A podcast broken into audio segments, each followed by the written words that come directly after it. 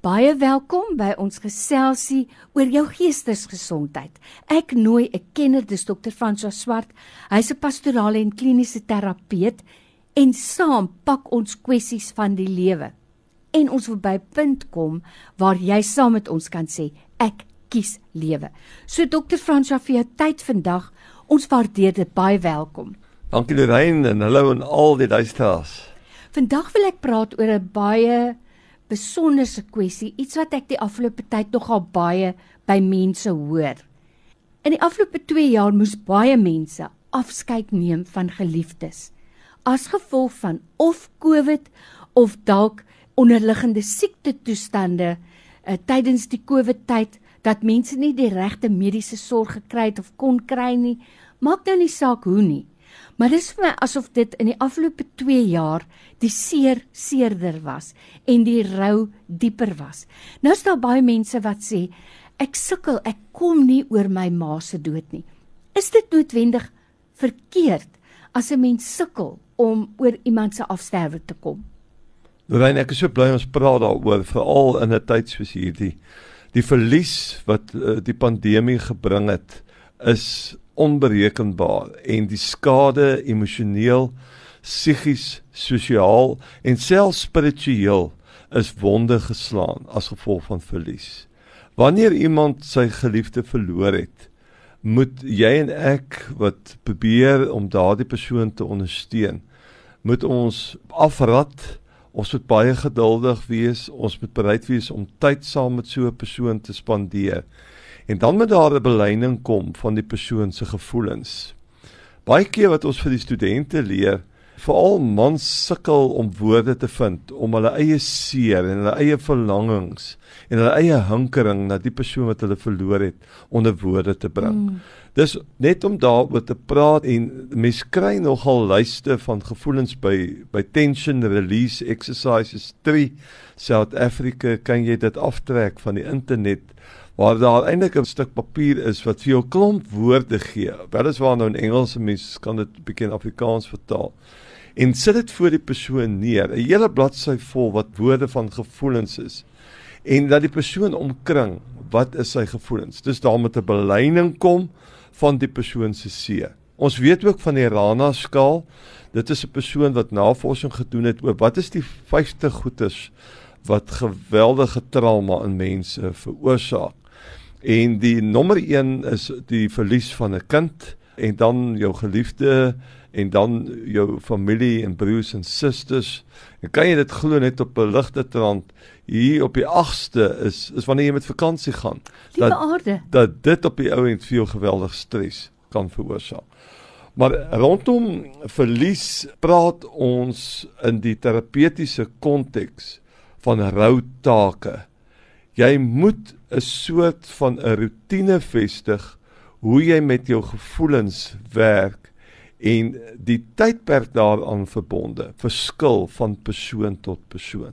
Daaroor is ook baie navorsing gedoen. Kibler-Ross is die bekendste een onder al die hulpwetenskappe modelleer ons op haar werk. Sy was 'n psigiater wat vir 25 jaar lank navorsing gedoen het oor hoe om verlies te hanteer. En sy het vir ons baie gehelp en die uniekheid van elke mens se proses. Dis ek dink waaroor ek en jy 'n bietjie moet gesels is rou take en die rou proses. Dit maak vir my regtig baie sin dat 'n mens dit nie nommer 1 alleen hoef deur te gaan nie. Daar is hulp. Daar's mense wat hulle lewe daaraan gewy het om navorsing hieroor te doen, juis om ons in daai proses by te staan. So dis belangrik dat ons daarvan gebruik moet maak. Nou dokter Fransa, dit alles maak vir my regtig baie sin en tog is hier hierdie persoon wat net sê ek verstaan die woede, die die onderhandeling, al die stappe maar ek kan nie oor die gemis kom nie. Hoe lank kan dit vat vir 'n mens? Ek weet my ma, nadat my pa afgesterf het, het sy vir my gesê, dit was 'n volle 2 jaar voordat sy nie elke oggend met haar eerste gedagte wakker geword het daaraan en met haar laaste gedagte gaan slaap het nie. Dit wissel vir baie mense, maar hoe lank is te lank en is daar iets soos te lank? Ek dink dit daar's iets uh, soos te lank. Nee, kom ons begin by dit wat jy aangehaal het Kubler-Ross se vyf goed. Ons gaan in ontkenning in in skok en dan gaan ons in depressie in, dan gaan ons in aggressie in en dan gaan ons in 'n onderhandelingsfase in en dan gaan ons in 'n aanvaardingsfase. Nou wat sy vir ons kom sê, hoe meer kere jy deur al vyf fases kan beweeg, En nie een van daai fases moet langer as 2 weke wees nie. As dit langer as 2 weke is, moet jy by 'n professionele persoon kom wat vir jou kan help om jou in die nuwe fase in te sit. Dis die belangrike ding is om soveel keer as moontlik deur die fases te beweeg. Die groot ding is om jou pyn te erken en te sê ek mis hierdie persoon. Dis baie keer ook 'n aanduiding van hoe kosbaar daai persoon was. En die feit dat baie ander mense vir jou sê, "Ag, jy weet, dit is deel van die lewe. Dit is nou 6 maande. Kom oor dit." Ek dink jy kyk op 'n vlakkig daarna as jy so met mense praat wat sukkel met verlies. Dit is 'n leeftyd wat jy loop met hierdie gat, hierdie gemis. Mm. Dit is byna die metafoor of beeld Lorraine wat ek graag sou wou gebruik. As iemand jou ontval of jou vooruitgaan, of heen gaan soos wat Paulus daarna verwys. Is dit soos om 'n been te verloor? Mm. En jy kan 'n protese kry. Jy kan goedjies in die plek daarvan sit, maar dit is nooit weer dieselfde nie. Nou as ons dit erken, dan het jy al klaar gekom met 'n aanpassingsstrategie om te sê ek is seer daaroor. Maar ek weier dat dit die kwaliteit van my lewe vir die res van my lewe en al die mense wat rondom my is hulle kwaliteit van lewe nou in die gedrang gaan bring omdat ek nie oor dit kan kom nie. Nou ons werk nie met die beginsel van jy moet dit verwerk nie. Waarmee ons werk is dat jy moet 'n weg vind om met hierdie gemis op 'n konstruktiewe manier saam te leef. Hmm. En daarvoor het jy baie keer 'n persoon nodig wat vir jou rou take kan gee. Dan vestig jy rotines. Dis, kom ons praat prakties daaroor. Die persoon wat jy mis, daar kan iewers 'n foto wees. Daar kan op die dag wat jy hom of haar verloor het, vir julle troudag herdenking of of die persoon se verjaarsdag op daai spesifieke dag in die maand kan jy 'n kersie brand. Jy kan by daai persoon sit.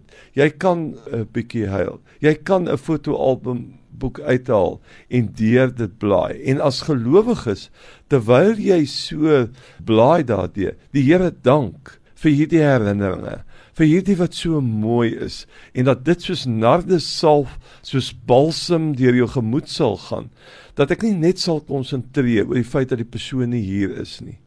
Uh maar dat ek ook dit sal vier wat ons wel saam beleef het en begin daarop konsentreer en dalk joernaal begin hou. Ons vrouens is baie goed om te skryf oor hulle gevoelens en hulle verlangens, om gedigte te begin skryf, om 'n goeie vriendin te kry wat verstaan en wat vir jou ruimte sal skep en sê, "Maar huil, dis dis alright. Ek is hier by jou. Ek ek sit hier by jou en ek kan verstaan." Ek wil afsluit.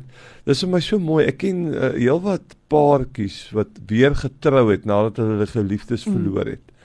En ons het hierdie terapie met hulle beweeg en hulle het mekaar ruimte te gee. En hulle verstaan mekaar want beide van hulle het hulle geliefdes verloor. Maar die Here het dit gewild dat hulle by mekaar gekom het. Ja. Maar hulle het vir mekaar gesê, onthou net jy kan nooit die plek vat van my geliefde nie. En die ander een wat ook sy geliefde verloor het, verwag dit ook nie.